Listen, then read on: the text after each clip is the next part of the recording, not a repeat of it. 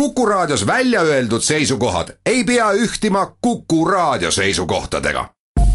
Te kuulate Kuku Raadiot. tere jälle, täna on teisipäev, kolmeteistkümnes detsember, eetris Tagasivaade. minu nimi on Tõnis Eilait.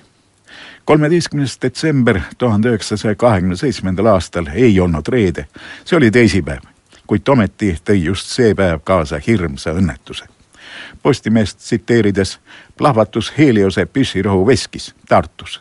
kaheksa töölist leidis silmapilkse surma, üks inimene on raskesti haavatud, kaheksa ja pool puuda püssirohtu lendas õhku, õhusurve purustas ümbruskonna aknad pilt, mis ajakirjanikele avanes, oli tõesti õudne ja nad rutasid seda kohe detaili täpselt kirja panema.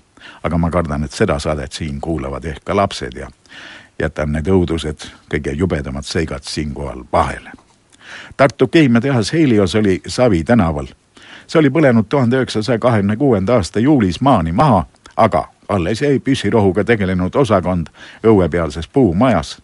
seal tegeletigi tol saatuslikul kolmeteistkümnendal detsembril kaitseministeeriumi ülesandel vana Jaapani püssirohu ümbertõstmisega.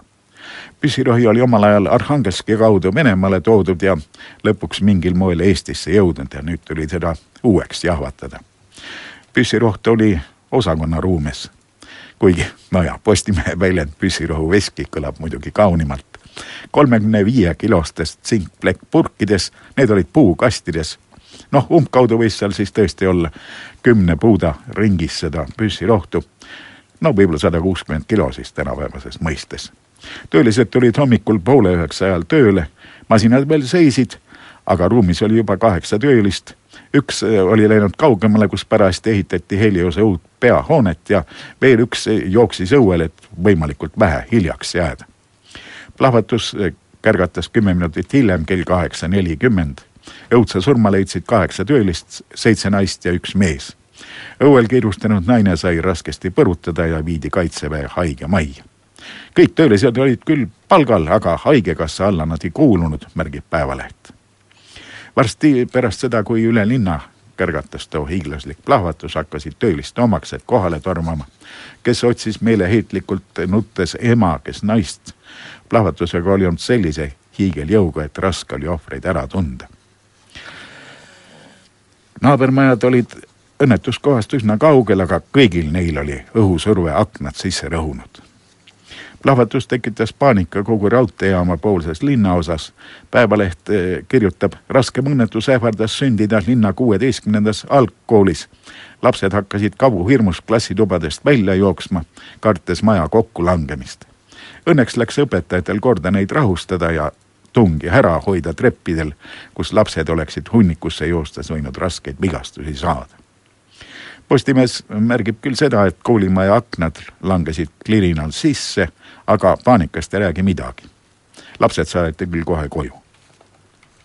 püssirohu kelder ise jäi plahvatusest puutumata, muidu võinuks õnnetus palju raskemaid tagajärgi tuua. seal hoitava püssirohu hulka keeldus Heliose juhtkond paljastamast ja kinnitas, et tegu on sõjasaladusega. Postimehe hinnangul võis püssirohtu seal olla koguni viissada puuda, siis kaheksa tonni ringis. mõned olid rääkinud lehele, et seal on kolm vagunitäit kui see kõik oleks plahvatanud, oleks kogu läheduses olev linnajagu õhku lennanud, möönab Postimees. plahvatuse põhjust ei osanud Postimees ka järgmisel päeval kindlalt öelda. Heliose direktor professor Kessler oli selgitanud, et plahvatus kärgatas enne, kui masinad olid tööle pandud. Mina olin parajasti masinaruumis ja ütlesin masinist graafile, minge ja õlitage masinat. vaevalt sain lõpetada viimase sõna, kui tugev plahvatus täis tormasin välja, õnnetus oli juba sündinud. enne töö alustamist olen ma ikka isiklikult kõik masinad üle vaadanud ja alles siis määran igaühele koha töö juures. plahvatus tuli arvatavasti püssirohukastide lahti kangutamisest sõjaväelaos olnud rõskuse tõttu olid kruvid roostetanud ja ilmselt oli osakonnas viibinud ainus meestööline ettevaatamatu. hõõrumisest tekkis säde, mis püssirohu söötas meestööline ralli oli meil küll juba sel alal juunist peale tööl ja tarviliku vilumuse omandanud. imestama paneb, kuidas ta sel korral küllaldaselt ettevaatlik ei olnud. Ellu jäänud töölise jutu järgi oli ralli või Raeli viiekümne seitsme aastane ja koguni endine tsaariaegne kindral. Vabamaa ütleb, et tegu oli küll vaid mereväe ohvitseriga. linnas olid inimesed loomulikult ärevil. Tartu juhtidelt päriti, miks on ülepea lubatud nii ohtlikult tehasel linna piires tegutseda. Heliose osanikeks olid peale professor Kessleri ka professor Paldrok, paar apteekrit ning jah, see selgitab vahest, miks tööstus sellises kohas võis olla.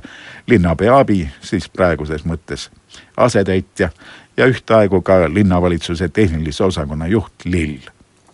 kohut hakati Heliose meeste üle pidama tuhande üheksasaja kahekümne üheksanda aasta mais.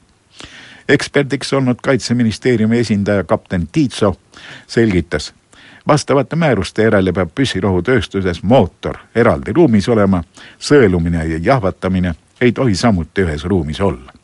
põrand peab olema kinnitatud kas vask või puunaeltega, jahvatamise kohas peab rogus kall olema. töölistel peavad olema erirõivad.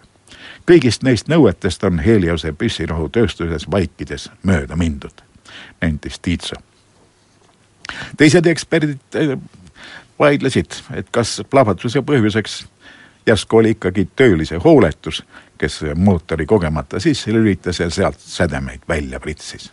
no üks arvas nii ja teine arvas naa. prokurör nõudis kõigi kaebealuste karistamist, rõhudes sellele, et püssirohutööstuse ei tohi määruste järgi majadele lähemal olla kui kolm kilomeetrit, aga Helios sellest ei hoolinud. tema barakid olid vaid mõnikümmend sülda teistest majadest eemal ka linnavalitsusele ei teatatud oma tööstusest ega võetud mingeid meetmeid hädaohtude ärahoidmiseks. Huvitaval kombel ei saa linnas isegi ühte kuuri ilma loeta ehitada. siin aga pandi terve püssirohuvabrik püsti ja keegi ei hoolinud, ütles prokurör. kaitsjad hakkasid ägedalt vastu, rõhudes sellele, et ekspertide jutus oli vastuolusid ja Heliose juhatuse liikmed tuleb siis kindlasti õigeks mõista Neid ju endid koha peal tööd korraldamas ja vastutamas ei olnud. pärast pikka arupidamist otsustas kohus, et juhataja Adolf Friedrich Kessler saadetakse neljaks kuuks vangi. juhatuse liikmed aga lähevad kaheks nädalaks aresti, mis jääb täide panemata, kui nad kolme aasta jooksul uut kuritegu toime ei pane tuhande üheksasaja kolmekümnendal aastal arutati asja kohtupalatis ja hiljem Riigikohtuski. riigikohus otsustas karmilt kõik juhatuse liikmed saadeti neljaks kuuks vangi.